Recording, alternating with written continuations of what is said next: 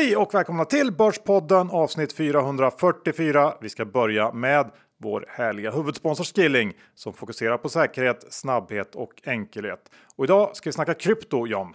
Ja, det ska vi göra, för det rör sig verkligen på den marknaden och som det gör på aktiemarknaden.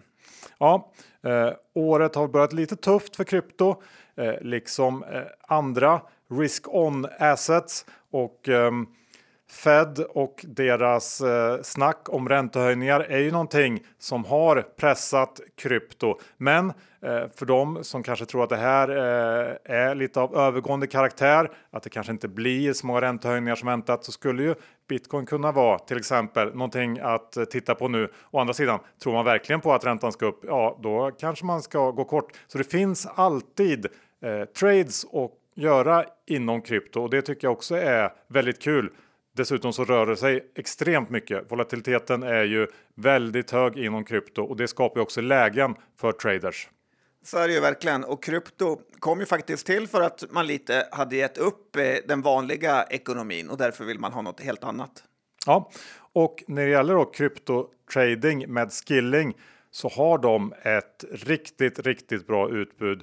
Eh, lägger hela tiden till eh, nya kryptovalutor som man kan trada. Eh, nu på slutet har man lagt till till exempel Sandbox eh, och Decentraland eh, som några exempel och man har nu ett riktigt brett utbud.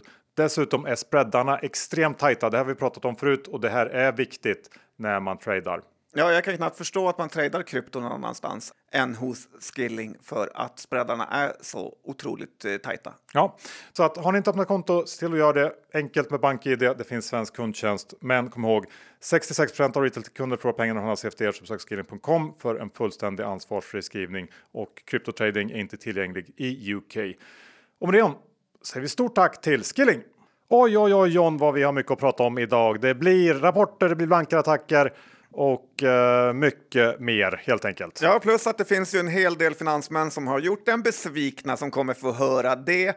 Och uh, ja, jag är väldigt, uh, eller superstoked till och med, över alla rapporter som har kommit och de eminenta lägena som också finns här på börsen just nu. Kul, vi rullar igång. Johan, Dr. Bass Isaksson Index är i 21,73. Vi har haft eh, två bra dagar nu efter en vansinnesdålig eh, period. Vad säger du? Ja, det har ju varit en riktigt, riktigt svag vecka. Många aktier har faktiskt nu genomgått regelrätta krascher här i år bara och Dagens Industri körde ju stort på första sidan eh, nyligen att vi haft den sämsta börsstarten på 100 år och det är ju ändå dåligt, det får man ju säga. Eh, men Även om man är långsiktig. Ja, men så har vi också haft en eh, perfekt storm kan man säga. Vi gick in i året med värderingar som på många håll var extrema samtidigt som då marknadens uppfattning kring inflation och stigande räntor väldigt snabbt skiftade. Och så får man lägga till den här snabbt eskalerande Rysslands situationen och eh, det, då har vi förklaringen till den här sämsta starten på 100 år. Men jag tycker att det här också har fört något gott med sig. Vi har faktiskt pyst ut en hel del eh, bubbelluft ur den här ballongen nu. Eh, de värsta överdrifterna tycker jag faktiskt eh, i stort sett är ganska åtgärdade. Så det gillar jag med eh, den här perioden ändå. Ja, och eh, eftersom börsen är ju på något sätt evig så blir det ju lite konstigt när man skär av i såna här perioder som årsskiftet och så. Jag tycker att man inte ska foka för mycket på det utan kanske mer dra ut eh, trenden. Ja, sen kan man fråga sig, är botten inne eller är det här början på eh, någonting ännu större? Såklart omöjligt att säga, jag har ingen aning, men det som kortsiktigt oroar mig är att vi står inför vecka 9 John, stockholmarnas sportlov. Ja, inte en enda BA-förvaltare är på plats utan alla är i Åre. Ja, um, så tänker jag också lite grann och det hade också varit den kanske mest naturliga tidpunkten för någon slags maximum pain eftersom det är så börsen fungerar. Känns ändå som att just eh, det svenska sportlovet inte borde styra eh, hela världen. Man Men... kan tro det. Man, eh, det är inte säkert för att förstöra sportlovet för alla stockholmare. Det är antagligen i alla fall någonting som börsguden inte skulle ogilla om man säger så. Nej, men det har ju högt på sin prioritetslista kan man säga. Ja, så att jag, jag bara känner att man ska inte slappna av riktigt än. Eh, men lite bottenkänning känner jag i alla fall. Eh, ska vi gå över till det som har dominerat nyhetsagendan på slutet. Nato, Ryssland och eh, allt som händer. Ja, men så här, nu när Ryssland har härjat på eh, ganska ordentligt så ropar ju allt fler på Nato. Och eh, jag tycker det är värt att lyfta en del som många glömmer att i livet så ska man försöka ge mer än man tar och om vi går med i Nato så måste vi också ge. Och säg att det blir krig mot Ryssland så är vi i Sverige beredda att skicka dit 10 000 av våra unga soldater för att med stor sannolikhet dö långt, långt borta från Sverige i ett krig som förmodligen aldrig kommer ta slut. Eh, jag säger inte vad som är rätt eller fel, men jag säger att man kan inte bara förvänta sig att få skydd av Nato, utan man måste även ge. Och eh, ja, det kan vara värt att tänka på när man skriker efter Nato hela tiden. Och eh, skulle du eller dina barn utan problem eh, kunna åka till Ukraina och kriga? Ja, men då är svaret ganska lätt. Men det här är ju inget lätt beslut så att eh, ja, alla gökungar där ute som bara skriker efter hjälp måste också tänka att man faktiskt måste vara beredd att ge något. Ja, eftersom jag har tjejlumpen på CV och min, mina söner är 10 respektive 4 år så känns det ju lite uh, tajt ändå. Ja, nej, det kommer inte bli mycket hjälp av dig nej. och din familj. Nej, kommer det inte bli. Um, Själv kan jag inte berätta vad jag kommer göra. det är hemligstämt. Det är classified. Det är det. Ja. Då tycker jag att vi kan ta lite snack om det här med att lyssna på experter. Eh, när vi ändå är inne på det på något sätt. Ja, för jag tycker nästan att man helt ska sluta lyssna på experter. Det var ju under Brexit var det ju stort att folk är trötta på experter som var liksom en grej som gjorde att eh, många av eh, invånarna i UK valde att eh, ja, rösta på Brexit. Och nu under OS så var ju Foppa en av Discoverys expertkommentator och satt innan matchen och sa att USA inte skulle ha någon chans när de mötte Kanada. Och så vann de den matchen och då sa han att han nog hade underskattat USA och att de var ett ganska bra lag och så åkte de direkt ut mot eh, Slovakien. Och så här är det ju med experter överallt. Den här Ukraina-experten på East Capital som till och med bor i Moskva har ju sagt att det skulle inte bli någon invasion utan det var bara maximala påtryckningar. Direkt efter han har sagt det här så blir det en invasion och sen har vi alla aktieanalytiker som ligger fel i princip i varenda aktie som finns där ute. Och eh, ja, till exempel här i Ericsson senast eh, så är det ju inte en enda analytiker som har haft den minsta aning eh, vad som har hänt, utan det enda de säger att det är ju någon typ av överreaktion när det gick ner på den här Irak-grejen. Och man ska heller faktiskt inte ens lita på sig själv. För som Mark Twain, eller om det var Charlie Munger som sa det, ibland tror jag att allt smart som är sagt är sagt av Charlie Munger, men det är nog snarare att han citerar andra smarta. Men han har ju sagt att eh, den lättaste personen att lura är sig själv, så att det är värt att tänka på. Så är det verkligen, inte minst på börsen. Jag tänkte gå tillbaka till börsen John, för det det egentligen handlar om nu, eh, det är ju inte Ryssland, även om det kanske stökar till lite kortsiktigt. Det är ju det här med räntor och inflation. Och jag såg att alla stora banker i USA nu räknar med mellan 7 och 9 räntehöjningar under 2022. Och jag har verkligen svårt att se hur man ens kommer halvvägs till det innan ekonomin fullständigt kollapsar. Redan nu eh, så har ju Fed bara genom att varit lite mer hökaktiga tajtat till de finansiella villkoren där ute en hel del och samtidigt så ser det faktiskt ut lite grann som att konjunkturen börjar sakta in också. Och det här är då innan vi ens fått den första räntehöjningen. Och tittar man på börsen så har ju de här bolagen och sektorerna som är mest känsliga för stigande räntor redan toppat och tappat ganska rejält. Och jag skulle nog säga att den här processen den påbörjades ja, men i slutet av Q1, kanske början Q2 förra året och har därmed pågått i snart ett år. Börsen är ju som alla vet framåtblickande och om något så tror jag att man kanske ska leta bland utbombade bolag i den här högen istället för något annat. Eh, och något som förstärker den känslan är också att jag tror att många bolag kommer att upptäcka att en hel del av de här kostnadsbesparingarna som man eh, lyckades få igenom under pandemin inte alls var permanenta. Eh, och det här pratar alltså inte inflation utan kostnader som bolagen tillfälligt sluppit undan under nästan två år som nu plötsligt då dyker upp igen. Det kan handla om allt från resor till mässor, event och massa annat som följer med när vi nu öppnar upp igen. Och eh, det här tror jag kommer att gnaga på lönsamheten. Och jag gissar att många tech eller tillväxtbolag har bättre förutsättningar att skydda sig och klara sig från det här eh, och inte drabbas på samma sätt. Eh, så det är lite min eh, vy just nu. Jag tycker att det är, eh, ett spännande år ur den aspekten.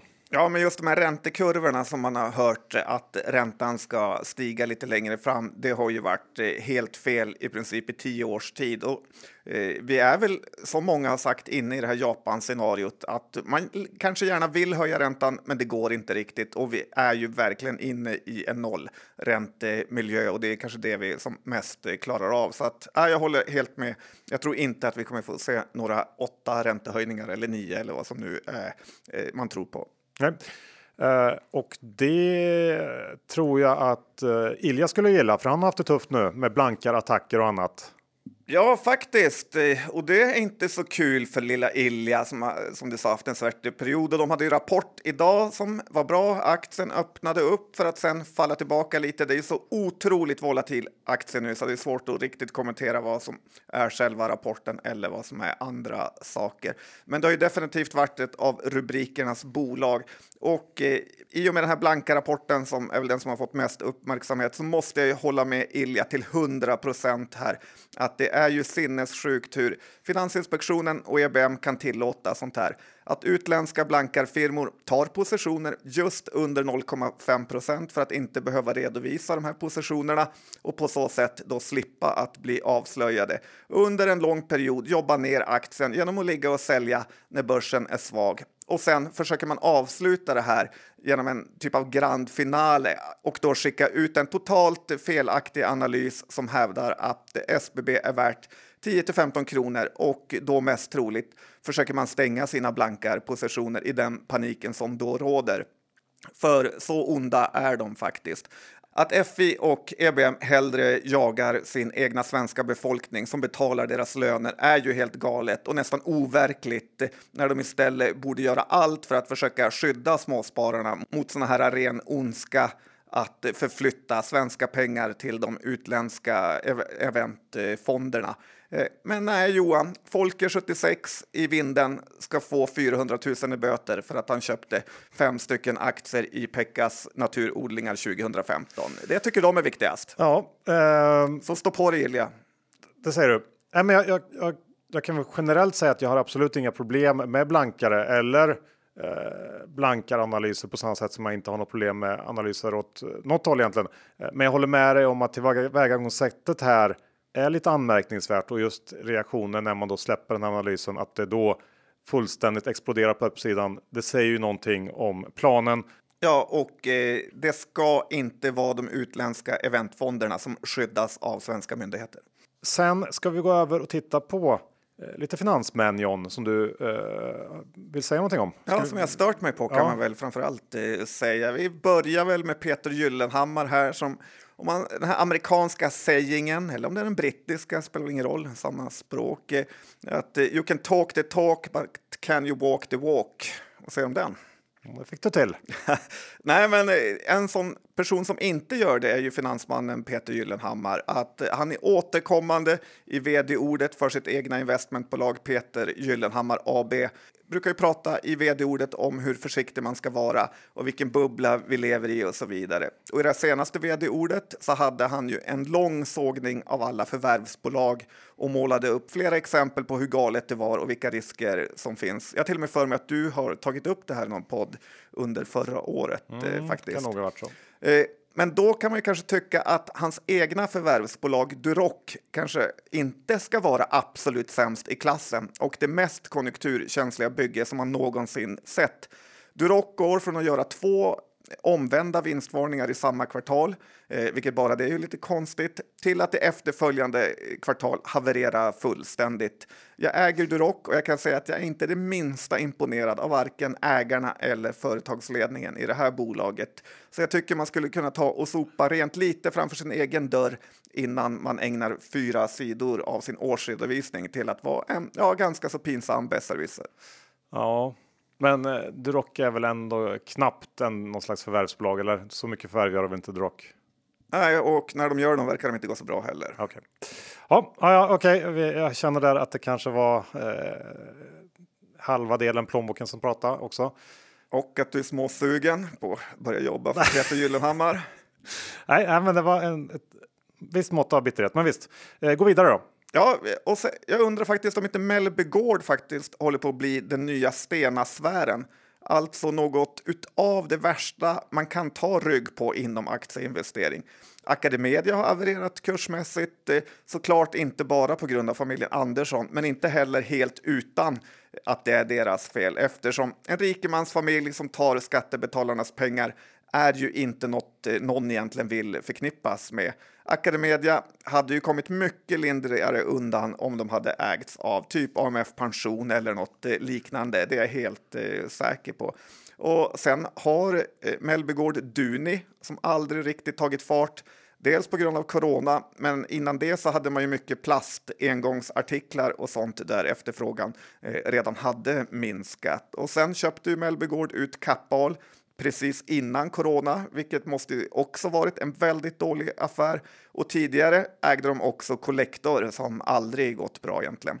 Eh, senast de ökade innehavet i Academedia var med 370 000 aktier på nivåer kring 80, så att den här avsaknaden av aktienäsa är ju total och man får hela tiden en känsla av att de ligger steget efter i allt de gör.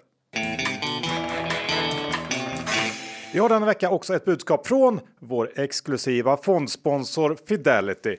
Och John, nu är vi på den tid på året när Fidelity släpper sin årliga analysundersökning, The Annual Fidelity International Analyst Survey, som avslöjar stämningen i företagens styrelserum i kombination med tusentals datapunkter som hjälper till att forma Fidelitys investeringsbeslut. Och det här är faktiskt riktigt spännande läsning. Ja, och eh, det är nästan löjligt bra att eh, den är tillgänglig för gemene man, att Fidelity bjuder på det här så man själv kan ta del av det och läsa och eh, verkligen lära sig om hur världen fungerar och hur det står till i den just nu. Ja, jag håller verkligen med om det. Det här är tolfte året som Fidelity släpper sin The Analyst Survey och Bland det som finns att läsa så skriver man om högre energi och oljepriser, stigande inflation som eh, kan påverka bolagens marginaler. Eh, lite om vaccinutvecklingen, geopolitiska risker världen över och eh, hur bolag också börjar inse utmaningen de står inför när det gäller hållbarhet. Eh, det är några av de här trenderna som 156 av Fidelis analytiker ser under 2022. Och om man är intresserad av att läsa den här John, vad gör man då? Ja, men då går man in på deras hemsida såklart. Ja, och det är fidelity.se. Eh, vi ska också påminna om att investeringars värde och eventuella intäkter från dem kan både minska och öka. Det kan hända att du inte får tillbaka det investerade kapitalet och historisk avkastning inte en tillförlitlig indikator för framtida resultat. Våra sponsorer tar inget ansvar för det som sägs i podden och åsikter uttryckta kan redan agerats på och inte längre gälla. Det är också viktigt att läsa prospekt samt KID-dokument och investeringar på tillväxtmarknader kan vara mer volatila än på andra mer utvecklade marknader. Stort tack till Fidelity International. Vi är den veckan sponsrade av Rare Wine Invest John och det här är alltså ett sätt att diversifiera sina investeringar och är man ute efter en stabil avkastning över tid till en låg risk så kan det här vara ett intressant alternativ. För Rare Wine Invest hjälper till att bygga upp en stark vinportfölj med exklusiva och sällsynta viner, framförallt från Bourgogne som champagne, delar av Italien och även eh, Napa Valley i Kalifornien. Och det intressanta är att Rare Wine Invest jobbar med ungefär 0,1% av allt vin som produceras runt om i världen eftersom de anser att just de vinerna har en stark investeringspotential då tillgången oftast är liten men efterfrågan är hög. Och eh, det som är viktigt att man har med sig när man investerar i vin, det är att man ska inte ha bråttom. Har man en tidshorisont på sex månader och vill göra snabba pengar, då är vin en dålig investering. Men om man tittar på en horisont på allt från fem år och uppåt så är vin faktiskt väldigt relevant. Ja, och det är väldigt eh, bra att ha lite pengar utanför börsen, att eh, kanske hitta något helt annat eh, som man blir glad när man upptäcker. Och det här ger ju faktiskt också lite livsglädje. Ja, och Rare Wine Invest hjälper till med allt från rådgivning, val av viner till portföljen, lagring och dessutom då såklart försäljning av din portfölj när det är dags. Och något som är lite unikt med Rare Wine Invest är att de tillhandahåller det enda tullfria lagret inom EU där privatpersoner och bolag kan lagra sitt vin och sin sprit utan att betala vare sig moms eller punktskatter. Och vill man lära sig mer om det här då ska man ladda ner deras investeringsguide på rarewineinvest.se och där hittar man också kontaktuppgifter till det svenska kontoret om man vill komma i kontakt med någon av deras rådgivare. Vi säger stort tack till Rare Wine Invest. Så där John, rapportperioden fortsätter att ånga på. Det känns som att den nästan aldrig tar slut. Och det är blandade resultat varje dag. det är det. Jag har eh, tittat på ett gäng data och mobilspelsbolag. John. Trevligt. Mm, det är både och faktiskt. Eh, först har jag en lite mer generell eh, reflektion kring de här bolagen och det är att den här initiala guldruschen i branschen som vi såg för några år sedan när alla dataspelsbolag värderades till väldigt höga multiplar. Varje förvärv belönades av börsen med rejäla kursuppgångar. Den tiden är faktiskt förbi nu, totalt bortblåst. Multiplarna är snarare åt det låga hållet. Förvärv tas emot med ganska sund skepsis istället nu för aktierallyn. Eh, och man kan säga att den här nischen eh, har mognat på något sätt. Men vi kan börja med Embrac men får jag bara säga en sak mm. om det, att det är ju nästan som i precis alla andra branscher och eh, ja, den, den som sa Wall Street never changes har ju helt eh, rätt, för eh, så här är det jämt. Ja, verkligen. Vi har sett det här om och om igen. Eh, men om vi börjar då med Embracer eller Embrak eh, som rapporterar här förra veckan tror jag det var mitt under den kanske värsta bäsen. Eh, aktien tappar lite där trots starka siffror. Det får man väl kanske tillskriva börsen i stort. Eh, det man kan anmärka på i rapporten var väl att trots rejält mycket bättre topline än väntat så hängde resultatet inte alls med. Eh, kom in mer, mer eller mindre in line med förväntningarna eh, och det förklaras i alla fall delvis av oväntat höga kostnader för kundanskaffning. Det har blivit dyrare med den biten och Embracer passar också på att höja prognosen för kommande år som en konsekvens av de här förvärv som man gjort på slutet. Och sammantaget får man säga att det var en stabil rapport. Embracer runt 80 kronor. Det känns som ett helt okej köp tycker jag. Eh, det framstår också eh, som eh, det bästa bolaget i sektorn här i Sverige tycker jag. Så det är väl liksom mitt toppicken då av de här utan att vara en dataspelskille. Ja, och för att du har din Värmlands kompis i Lars Wingefors. Kan vara så också. Eh, Thunderful är ett bolag som vi har pratat lite om eh, inför rapporten. En sån här var väl kanske lite av ett rapportspäck. Man hoppades att de skulle ordna upp förra årets härva när aktien fullständigt eh, havererade på Q4 för att de hade missat både det ena och det andra. Um, nu blev det väl inte riktigt så, uh, även om de kom in kanske lite bättre än väntat så ska man ha med sig att bolaget hade guidat ner rejält inför rapporten. Det var inga superförväntningar som man slog.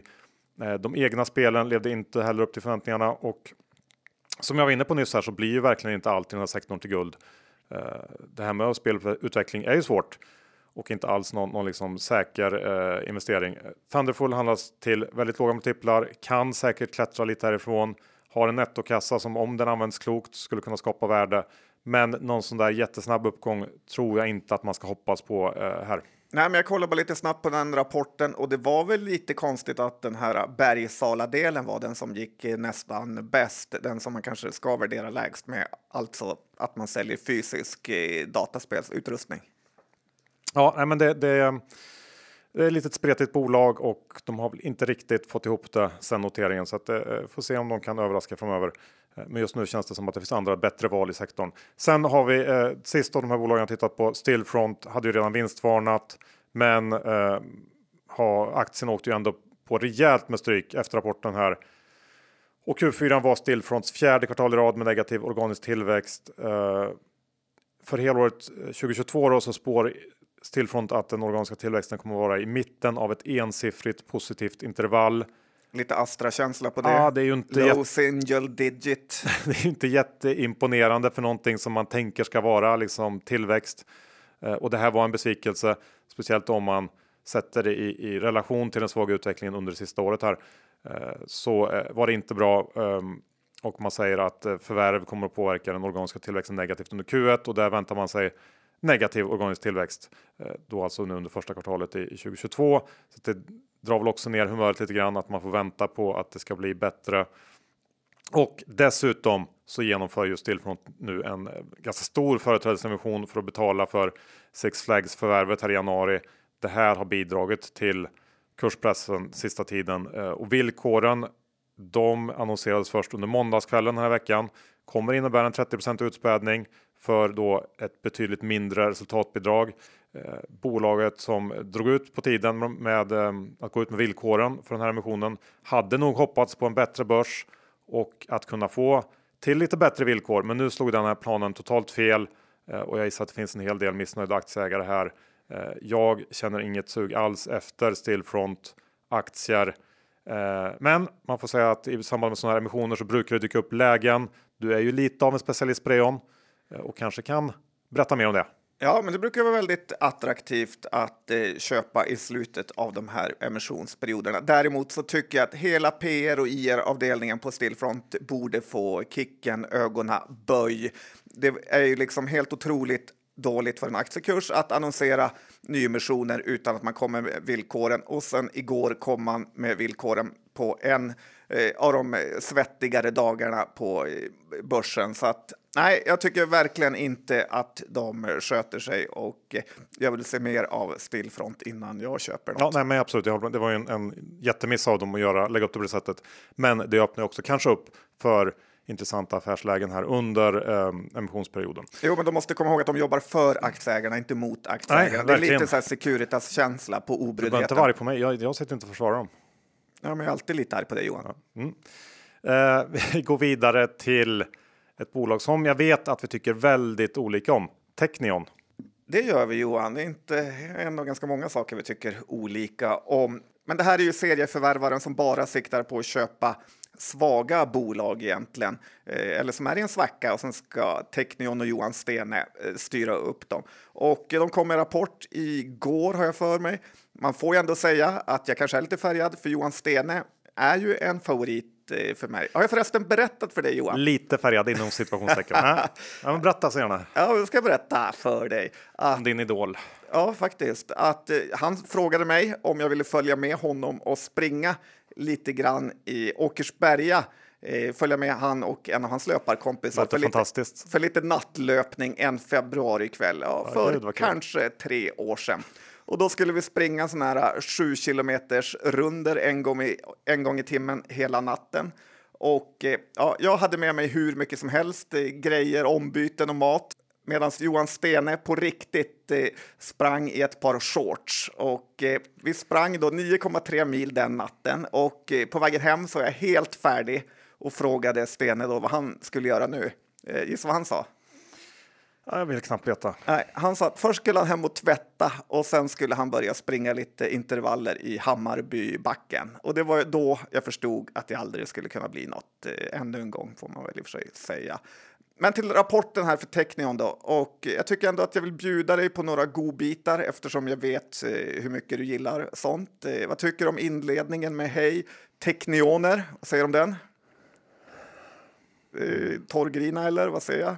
Eh, en annan rubrik i vd-ordet här var eh, Vad händer och fötter? Nej. Till och med jag blev lite skärrad där. Vad händer och fötter? Var på gränsen Johan Stene. Och så avslutar han ju såklart med Run far be nice. Men grejen här är ju att eh, Stene och gänget verkar ha stenhårt fokus på kassaflödet och eh, det har de verkligen för att det är bättre än resultatet. Technion är ju ganska dyrt med tanke på vilka bolag de äger, kanske P24 på 2001 års vinst. Eh, men inte så farligt kan jag tycka med den vinsttillväxten de faktiskt har beroende då på hur 2022 utvecklas. Jag tror faktiskt det är köpläge i Technion här och ja, är lite småsugen på att köpa aktier. Mm, ja, men varsågod, jag kommer inte stå i vägen och slåss om de aktierna. Eh, jag, jag, tycker inte att det känns så, lika intressant. Jag tycker det är lite för dyrt givet eh, liksom bolagets eh, grundförutsättningar att de köper den värsta skiten och hoppas att göra det lite bättre. Eh, men visst, det har gått bra. Ja, men så är det när man är Technion. Ja, så är det. Vi går över till någonting annat och eh, jag tycker att vi tar Net Insight eller Snett Insight som en del säger efter gårdagen. Ja, men det är verkligen. Fullständigt eh, haveri som det geniala finanstwitter hade hittat som supercase visade sig ju vara ett eh, uselt case som så många gånger förr. Och det är lite pinsamt när folk promotar case som om det inte fanns någon morgondag och sen visar det sig att de inte hade det minsta aning om egentligen vad de pratade om. Eller så här kan jag tycka, vräker man ut aktierna på en dålig rapport eh, så känner jag att man är lite fake. Medan ser man det här som ett långsiktigt case eh, så är det annorlunda. För alla småbolag kan ha svackor och eh, börsens humör är ju alltid eh, svårförutsägbart här. Men tittar man då på Net Insights rapport så var det ju inte mycket gosigheter som fanns här direkt. Lönsamheten var dålig engångsposter från förra året i form av kostnader hade mörkats lite grann för att det skulle se bättre ut i år. Och eh, så slutligen så är det ju verkligen inte så kallade diamond hands till aktieägare som sitter på Net Insight här, utan eh, ja, de bara vräkte ut aktien efter den här rapporten. Så ingen långsiktig conviction verkar det finnas här. Nej, eh, och det för mig till ett ettårsjubileum, John. Nästan exakt på dagen. Ja, av Angler Gaming. Ja, det stora våldshåsarbråket mellan Börspodden och delar av Finanstwitter. Och hur gick det John? Berätta för mig. Ja, jag tror nog att man skulle valt Team Börspodden i det läget som jag i och för sig alltid väljer. Ja, men det var inte så många som gjorde. Nej, en del valde. De som vet, de vet. Ja, och de som vet, de vet också. Ja. ja. Eh, Engler i alla fall ner 80 procent sedan dess. Eh, numera väldigt, väldigt tyst om den aktien. Och i veckan så kom då Engler med sin Q4. Den var ju en total katastrof. Resultatet föll med nästan 65% Inledningen av Q1 också katastrof. 35% lägre intäkter. Eh, bolaget verkar ha rejäla problem med nykundsanskaffningen och man har lanserat någon slags åtgärdsprogram för att komma rätt, till rätta med de här problemen. Eh, Kalita ska på något sätt gå till att bli från vd till operativ vd, vilket också är lite märkligt. Jag vet inte vad han har gjort innan, men nu ska han i alla fall bli operativ. Eh, och fixa det här. Han kanske bör vara i sitt eh, megafina hus han behövde alla pengar till som när han sålde aktierna på jättehöga nivåer. Ja, eh, jag känner verkligen att seeing is believing när det gäller eh, det här caset. Um, nu köpte eh, Kalita faktiskt tillbaks en miljon aktier efter rapporten här. Det är i och för sig eh, ett mycket mindre köp än den, den enorma försäljningen han gjorde förra året. Men ändå, man skulle ju ryggat honom förra året och sålt allt möjligt att man ska rygga honom nu också. Och Angler kan absolut vara billigt om man vänder den här utvecklingen. Men det här bolaget ska ju vara jättebilligt och det ska handlas med en rejäl rabatt mot sektorn. Och eh, nu finns det dessutom massor av andra lågt värderade bolag av betydligt högre kvalitet i den här sektorn och det finns som jag ser det ingen anledning att harva runt i Angler. Nej, men det är lite som att köpa Rysslandsbörsen mot eh, svenska börsen. Det brukar långsiktigt vara mycket bättre att välja kvalitet. Ja, och eh, då går vi tillbaks till eh, sprit och vin och cider och sånt. Eh, Kopparbergs, är det kvalitet eller inte? Det är väldigt svårt att veta. Det är faktiskt väldigt svårt att veta och eh, det borde faktiskt vara så att eh, Kopparberg, man kan tycka att de ska börja redovisa i pund och inte i kronor, för det är numera helt oberäkneligt att veta Eh, hur Kopparbergs resultat kommer komma in eftersom de är så extremt beroende av hur pundet går. Och de har ju haft enorm medvind eh, hela detta år av ett eh, stärkt pund. Så att rapporten var jättebra. Tyvärr är jag lite orolig att mycket beror på pundet. Det var väldigt fin utdelning som de kommer bjuda på och ja, öppnar de här marknaderna upp i, alla turistländer så ser det faktiskt eh, ganska så bra ut kan jag tycka. Eh, och, ja, allt pekar väl på det. Så att eh, det borde bli ett bra år för Kopparbergs 2022. Ja, lite mer bjussiga skulle de kunna vara i rapporten och berätta hur det egentligen ligger till med olika valutor och så. Men annars får man ändå säga bra rapport. Ja, jag håller med. Um, hur är det då med vindbolaget Eolus Vind? Jo, men det här var inte så gossigt och eh, också ett sånt där haveri. Eh, aktien står nu 77 kronor. Eh, det finns ingen aktie, får jag väl säga, som vi varnat för så mycket, i alla fall jag. Eh, Medan sparekonomer och hållbarhetsexperter har verkligen lurat in småsparare eh, i drivor i det här bolaget. Evolus Vind är ju ett eh, projektbyggbolag som bygger vindsnurror. Det är inte någon typ av skalbar teknik som kommer förändra världen. Att då de här hållbarhetsfonderna har rusat in i aktien. Eh, de borde faktiskt bli av med börskörkortet här. Eh, tyvärr är det nästan 20 000 avancianer eh, som också hamnat i Evolus Vind och över 4 000 plus Nordnettare. Kul faktiskt att Nordnet också redovisar hur många ägare som finns i de olika aktierna. Rapporten som kom då här var ju ett haveri. Eh, med så kallad här död omsättning som experterna säger, eller elda för kråkorna som vi vanliga säger. Det har fått en ny innebörd. Evolus Wind omsätter en miljard det här kvartalet och förlorar pengar hyfsat eh, tröstlöst att utföra jobb för en miljard och inte tjäna en krona på det. Hela 2021 har ju varit ett eh, förlorat år och det ser faktiskt inte heller så värst bra ut i framtiden eh, då deras e orderbok är hyfsat avbetad med. Så att eh, jag är inte köpsugen trots den här stora kursnedgången. Nej, och vi eh, tycker vi kan lägga skulden helt och hållet nästan på eh, sparekonomer och andra ESG-kramare som lite huvudlöst kastar in folk i den här typen av bolag. Verkligen. Mm. Då ska jag ta ett bolag som nästan ligger på andra sidan av spektrat. Eh, ett litet favoritbolag som jag har. Ett kryptobolag som rapporterade igår. Coinshares kanske? Exakt. De kom in med en riktigt stark avslutning här på året.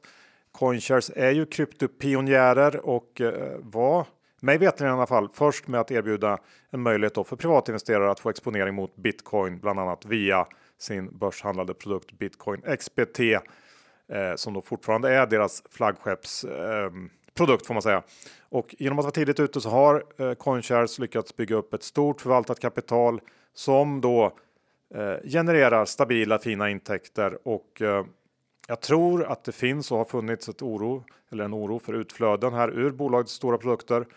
Men tittar man på helåret 2021 så har antalet ägare faktiskt gått från 24 000 till 100 000, vilket jag tycker är imponerande. Sen så har det ändå varit lite utflöden, men det beror mer på att stora ägare som varit med tidigt och har ackumulerat enorma vinster har sålt av. Men då pratar uh, du i de här bitcoin certifikaten. Exakt. Mm. Ja, um, och uh, jag tycker ändå att det, det, är det underliggande man får titta på. De visar att man fortsatt lyckas attrahera nya investerare och det är väl det man varit rädd för. Så den, den farhågan tycker jag ändå eh, man eh, kan vara ganska lugn med. Och på helåret så levererar Coinshares eh, 20 kronor och 60 öre i vinst per aktie utspätt får man säga. Och med en aktie som står i drygt 70 kronor så tror jag inte att det finns någon något billigare bolag nästan på börsen om man bara ser till det nyckeltalet. Ehm, Förhoppningsvis så kan det här kommande listbytet leda till att fler hittar till den här aktien. Eh, de jobbar med att försöka göra det här bolaget lite mer lättförståeligt.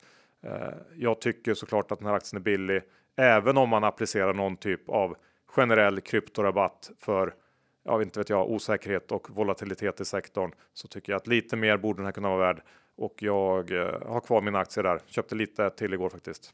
Ja, jag har också lite aktier här. Däremot är jag väl ganska så besviken på eh, rapportreaktionen som, eh, om jag kommer ihåg rätt, för eh, tidigare har den ofta gått upp när resultatet har presterat eh, så här bra, men nu eh, var det typ med en gäspning som marknaden tog emot det här. Och jag vet inte riktigt vad det beror på. Jag såg att Coinbase, heter de i USA, hade en mm. Eh, tufft på sin rapport igår gick ner ganska mycket. Eh, ja, vi får hoppas att ledningen lyckas göra något med de här enorma vinsterna de genererar. För föra ut dem till eh, aktieägarna har de verkligen inte gjort.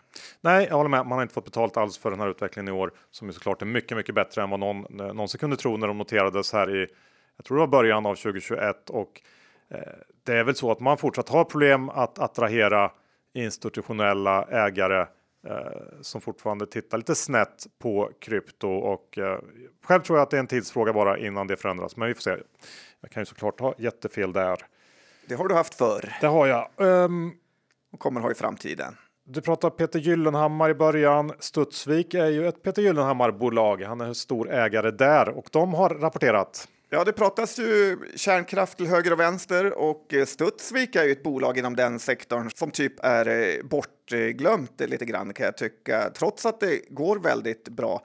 Det här Nyköpingsbolaget hade ju en väldigt fin rapport eh, och tyvärr kom den rakt in i den här bäsen som vi nu sett de senaste dagarna och de har ju verkligen inte fått betalt för det.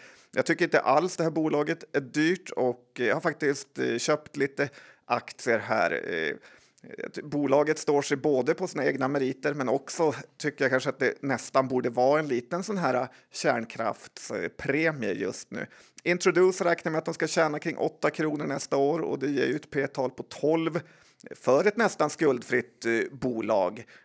Så att nej, jag gillar det här och Peter Gyllenhammar kanske har sina fläckar, men det här tycker jag ändå han har gjort bra. Ja, Studsvik har jag ju jag ganska lång historik med. Jag gillar bolaget eh, och de har ju eh, verkligen liksom kommit in i matchen nu sista åren. och mycket pekar väl åt att det går åt deras håll framöver. Så att det, det behöver inte alls vara fel med Studsvik. Det är kanske du som talk the talk men inte walk the walk Johan. Du borde äga en stor del, en corner av Studsvik. Ja, jag var ju inne och härja för några år sedan, men jag var lite tidig med, på hela kärnkraftssvängen. Just det, när vi pratar Engler så glömde jag ju faktiskt CTM som kom in på morgonen, eller Catena Media. Ja, helt ett kul bolag som är ganska svajigt. Ja, eh, vi hade väl uppe det här som ett rapportspäck. Jag hade också köpt lite eh, inför rapporten. Främst då för att jag trodde på, eller vi kanske, eh, att eh, outlooken skulle bli bra. Och det var den också. Ja, det blev den. Eh, januari har börjat med 29% högre intäkter jämfört med förra året och då ska man ha med sig att tillväxten i januari 2021 den var hela 61% så jämförelsetalen var brutalt tuffa och trots det då så kom man in 29% högre. Tyvärr så missar eh, Catena Media grovt både på intäkter och resultat i Q4. Det förtar väl glädjen en hel del. Bolaget guidar också för att man kommer att nå eh, 100 miljoner dollar intäkter i USA i år. Eh, det är väl lite högre än de estimat jag har sett för helåret, men kanske ändå inte räcker för några större estimatförändringar och eh, eh, givet svajigheten i bolaget som jag tror många är ganska rädda för och historiken så eh, jag vet inte, det verkar finnas lite oro. Jag eh, sålde mina aktier här eh, på morgonen, tyckte kanske inte att det var tillräckligt bra ändå totalt sett. Så att jag, jag, jag, tycker att det finns mer intressanta alternativ i sektorn i stort helt enkelt. Men Catena Media är billig och eh, det finns säkert möjligheter där framöver. Ja, jag har en eh, ganska liten position här som jag valde att eh, behålla. Jag tycker ändå att man kan se vidare på USA-caset med liksom förtröstan. Så att, ja, det kommer ju bli ett bra år antagligen för Catena Media. Det eh, pekar allt på. Men det blev inte den här slamdanken man Nej. hade hoppats på. Nej, och det var lite den jag var ute efter. Du är, du är lång också. Lättare för dig med slamdanks Johan. Exakt. Ska vi avsluta med Malmbergs, eh, ett trött och tråkigt bolag tycker jag. Ja, men känns lite som att vi förstör podden genom att avsluta med Malmbergs, men det är så du har lagt upp det. Och eh, det här är ju ett skämt till börsbolag. I den största av alla elektrifieringsvågor, hyper någonsin, så vill det sig verkligen inte för lilla Malmbergs. Eh, och här tycker jag att det är perfekt att lyncha. Går du in i en Malmbergs butik, till exempel en på Sveavägen här i Stockholm, så får du en sån här skräckkänsla över hur kast den här butiken är skött. Precis samma sak är det i deras butik eh, som jag besökte i Bromma, i Bromma Blocks här. Eh, Q4 eh, kom nyligen, var ju såklart en besvikelse med stigande kostnader, ingen försäljningsökning och även om helåret blev rätt okej okay, så räcker det inte för mig eftersom det här är ett för dåligt skött bolag som skulle behöva en rejäl omstöpning. Men det går ju inte för att det finns en stor ägarfamilj här som har full kontroll. Så att det här caset är många som har försökt sig på det. Vi bland annat, Alcura har jag sett i ägarlistorna. Men det går inte att få någon eh, fart på det. Kristersson tänder. Ja, jag är mest besviken på mig själv. Jo. Ja, jag med. Då var det nästan slut, men inte helt John för den här veckan, för vi har också träffat våra sponsorer Cameo och deras vd Sebastian Harung och eh, haft ett litet snack med honom om vad Cameo gör, vad de vill och vart de ska. Eh, lyssna på det. Eh, mycket intressant information från Sebastian. Ja, vill man inte alla sina pengar på börsen så tycker jag verkligen man ska lyssna nu. Då säger jag välkommen till Sebastian Harung som är vd och grundare av Cameo. Stort tack! Kul att äntligen ha dig här. Vi har ju försökt få till den här intervjun ett tag nu, men eh, ja, det har inte varit helt lätt. Men äntligen! Det var lite jobbigt att resa nu sista åren till Stockholm. Ja. Man hör att du är från Norge. Yes. Vart ifrån Norge? Eh, Bergen, men jag har ingen dialekt från Bergen tyvärr. Så det är Oslo-dialekten ni hör. Ja, men det är väl inte tyvärr när man pratar med svenska personer i alla fall. Men berätta lite om Cameo, varför ni drog igång det. Um, alltså jag kommer själv från, från banking och investment banking. Uh, vi jobbade mycket för stora bolag, stora investorer. Um, och jag läste om Eh, ett, ett, nytt koncept som kom från England som hette crowdfunding eller peer-to-peer lending. Eh, jag läste om Funding Circle som var det stora bolaget och tänkte att det här funkar även bättre i Norden. Eh, och så fick jag lust att, bilda ett bolag som skulle ge investeringsmöjligheter för alla. Småsparare som ville gå in med små belopp, bygga stora portföljer men också mindre och, och bolag. Då. Så konceptet kommer därifrån. Vi körde igång i 2014, skrev affärsplanen. Um, och syftet med Cameo är att alla ska få möjligheten att investera. Och uh, kan vi bara lite snabbt dra hur, hur har det gått sedan start? Eh, ja, vi har förmedlat nå lån till eh, nästan 600 eh, bolag. Eh, det är alltid eh, lån till bolag, till fastighetsutvecklare. Ehm, vi har lånat ut 2,5 miljard, en snittränta på 8,5 procent per år till investerarna och ett enda förlust som är bekräftat i Norge, ingen i Sverige. Berätta, vad betyder Cameo? Det har jag alltid funderat på. Ja, det, det är en norsk, svensk, dansk variant av det engelska ordet cameo, eller cameo, som betyder att spela en bakgrundsroll. Så Quentin Tarantino har alltid en cameo i sina egna filmer. Hos oss eh, betyder det att vi ska spela en bakgrundsroll, det är bolagen och investerarna som är i huvudroll. Och är väldigt eh, fyndigt, bättre än de flesta bolagsnamn. Men hur fungerar det då när ni eh, hittar de här objekten som man kan investera i? Eh, alltså det blir lite som en marknadsplats. Man går in på vår webbsida och så hittar man de projekten, de lånen man tycker om och så investerar man. Helt enkelt, tar tre, fyra minuter att bli kund. Det är fastigheter främst då, eller? Yes, 95 till 97 procent av våra projekt är backat med fastighetspant. Ja. Så vi vill alltid ha en säkerhet bak eh, projektet. Mm. Och, och, eh, om man då som, som eh, privatperson som lyssnar på det här eh, funderar på om det här är någonting för en själv. Vad, vad finns det för argument till att investera eh, på Cameo? Varför ska man eh, göra det överhuvudtaget? Alltså det, det, får en månadsvis eh, utbetalning. Den här räntan betalas ut varje månad. Den har ju som sagt varit nästan 9 eller 8,5 procent nu eh, sista året. Så du får en jämn och, och, och, säker avkastning varje månad som kan återinvesteras. Eh, det är också då utom börsen då, så man är lite oberoende av det som händer på börsen om dagen. Eh, och så är det alltid pant i en fastighet som säkerhet skulle det gå åt skogen. Vad är det som skiljer Cameo från andra sådana här plattformar? Eh, bortsett från att vi har en norsk vd, så är det eh, Alltså, vi har nog den bästa track recorden eh, i, i branschen med avkastning till investerare och vi lägger mycket, mycket tid på någon analys av varje case. Och så är vi nog den största, i 2021 så var vi den största plattformen i, i Norden. Och hur, hur, går det till när ni tar in projekt då? Hör bolagen av sig till er och, och ni har väldigt stort inflöde av projekt att välja på och så där, eller hur funkar det? Ja, där börjar vi bli lite som banken, att vi, vi tackar nej till många som kommer via vår webb. Eh, så vi, jag tror ungefär 60 procent av våra kunder är befintliga kunder, nätverk, bolag som vi kontaktar först. Um, men ja, vi får också in via webbsidan helt klart. Uh, men det är, det är mindre mellanstora fastighetsbolag som söker lite mer finansiering än det de får i banken. Uh, typiskt exempel är att banken säger att de kan göra två projekt per år. Hos oss kan, så kan de komma igång med nummer tre, kanske fjärde projekt. Men om man då investerar hos eh, Cameo, hur ska man se på den investeringen tycker du? Uh, I förhållande till liksom en, en, en, annan typ av investering? Ja. Eller? Alltså, vi brukar säga att det, är, det här är en del av en bra portfölj. Du borde inte lägga 100% av dina sparpengar och lön i Cameo. Men uh, lägg en del av din portfölj, var med på, på aktiemarknaden, var med i fastighetsmarknaden och, och, och låna ut via Cameo som en del av en portfölj. Uh, ris risikomässigt så är det ju mindre riskabelt än aktier. Eh, men det är klart att det är mer riskabelt än att ha pengarna i banken.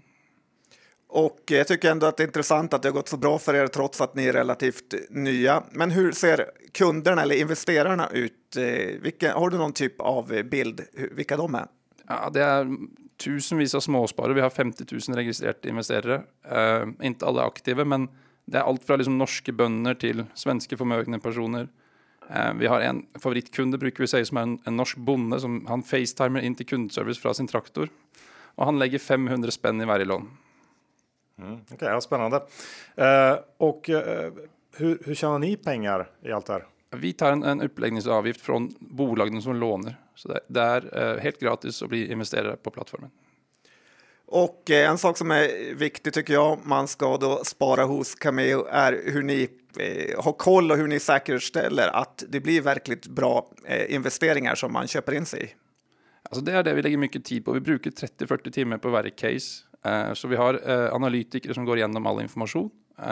Och så har vi en oberoende kreditkommitté som godkänner varje case innan vi lägger ut. Så det handlar om att hitta, hitta eh, bolag som kan betala tillbaks, eh, bolag som har erfarenhet från fastighetsutveckling. Eh, oftast är ju lägenheterna som den bygger sålt innan och så är det, checkar vi att eh, alltså vi har st stora krav till underleverantör, ska inte vara liksom arbetskraft som är olovlig och så vidare. Så vi, vi går igenom hela som en bank vill gjort.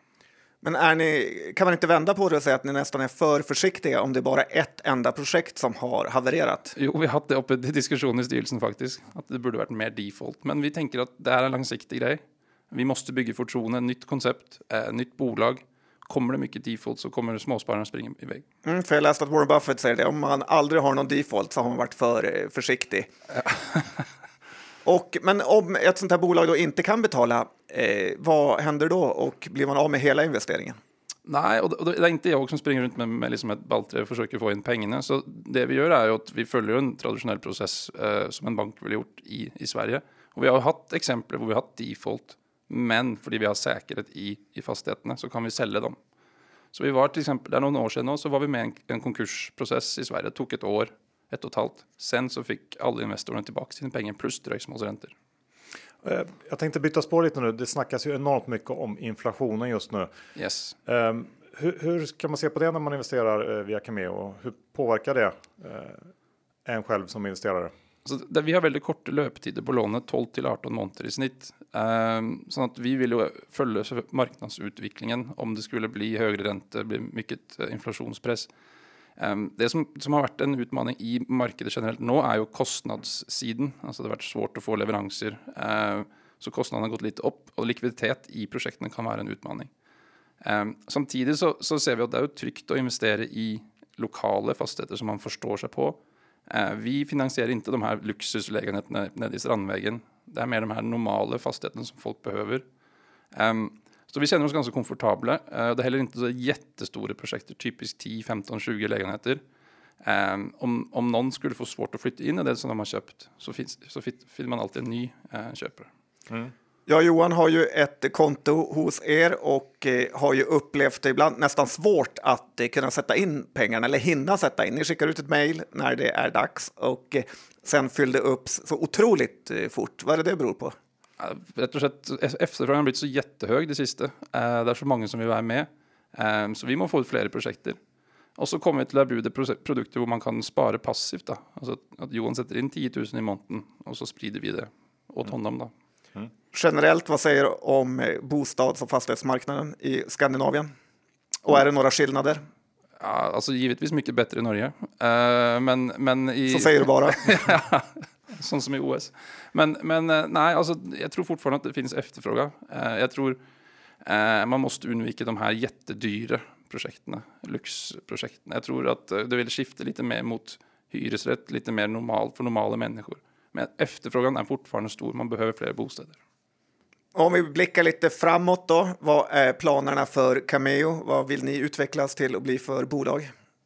Vi ska bli ända större, vi ska bli en av de, Ehm, en av de eh, finansieringskildene som fastighetsutvecklare kan lita på. Eh, vi ska vara i Norden eh, och så blir det nog en börs, ett börsäventyr om ett år om jag får bestämma. En väldigt härlig grej med den här typen av investering är ju att man kan faktiskt gå och ta på byggnaden man har varit med och hjälpt till att finansiera. Har du någon sån kul historia du kan dela med dig av? Eh, ja, och vi har ju alltid ute och träffat de här fastighetsutvecklarna och, och kollat liksom fastigheten. Och vi hade, vi hade ett projekt i Norge som var, eh, alltså det låg jättetråkigt till ned mot en kyrkogård. och där byggde de två sådana funkis, eller fancy eneboliger. Och då hade vi en investerare som var nere och träff, eller han var på, på sajt 24 gånger i löpet av 12 månader. och ja, hade investerat 10 000 spänn i det. Var lite orolig av sig. Ja, lite kolla. nervös. Ja. Fuska inte gubbar. Nej. ja, men det, är bra Sebastian. Stort tack för att du kom och hälsade på och berättade lite om Cameo. Jag tycker det är väldigt spännande. Eh, bolag och eh, en eh, kul investeringsform. Ja, och vill man investera hos er, hur ska man göra då? det enklaste är att gå på cameo.se, cameo med K. Och så skapar man ett konto med BankID och så är man igång. Perfekt. Stort tack Sebastian och lycka till här framöver. Tack. Slut på avsnitt 444 John och det passar ju bra den här veckan när vi hade 222222 som datum. Ja, triple four och jättemånga tvåor. Ja, någon slags palindromvecka. Bra, eh, vi ska börja med att säga ett stort tack till vår huvudsponsor Skilling. Såklart den svenska ägda multi-asset tradingplattformen som fokuserar på säkerhet, snabbhet och enkelhet. Öppna konto om ni inte redan har gjort det. Det är ju eh, svinenkelt John. Ja, det går inte att misslyckas. Nej, BankID och eh, misslyckas man ändå så har de svensk kundtjänst som löser det åt dig snabbt och enkelt. Men kom ihåg 66 av retailkunder förlorar pengar när man har CFD så besök från fullständig ansvarsfri John, hur är det med innehåll den här veckan? Ja, men ganska mycket som det brukar vara när börsen har gått ner. Duroc, CTM, Studsvik, Net Insight, CoinShares, ja, eh, massa bolag som Inte en enda är på plus. Sån är jag Johan. Ja, eh, Technion då? Nej, jag har inte fått köpa in mig än för Trots dig. att det var så himla bra. Men jag har inga pengar Han kvar. är så duktig. Men jag ska låna lite. Eh, jag har bara CoinShares, ehm, tror jag. Ja. Försöker hålla mig i skinnet. Eh, bra, och eh, då har vi kommit till det absolut sista i podden. Eh, nästa vecka är det sportlov. Eh, då kommer det eh, såklart ett avsnitt ändå, för sådana är vi. Ja, man ger inte upp efter 444 veckor. Nej. Och med det så säger vi tack för att ni lyssnade. Hej då! Det gör vi. Hej då!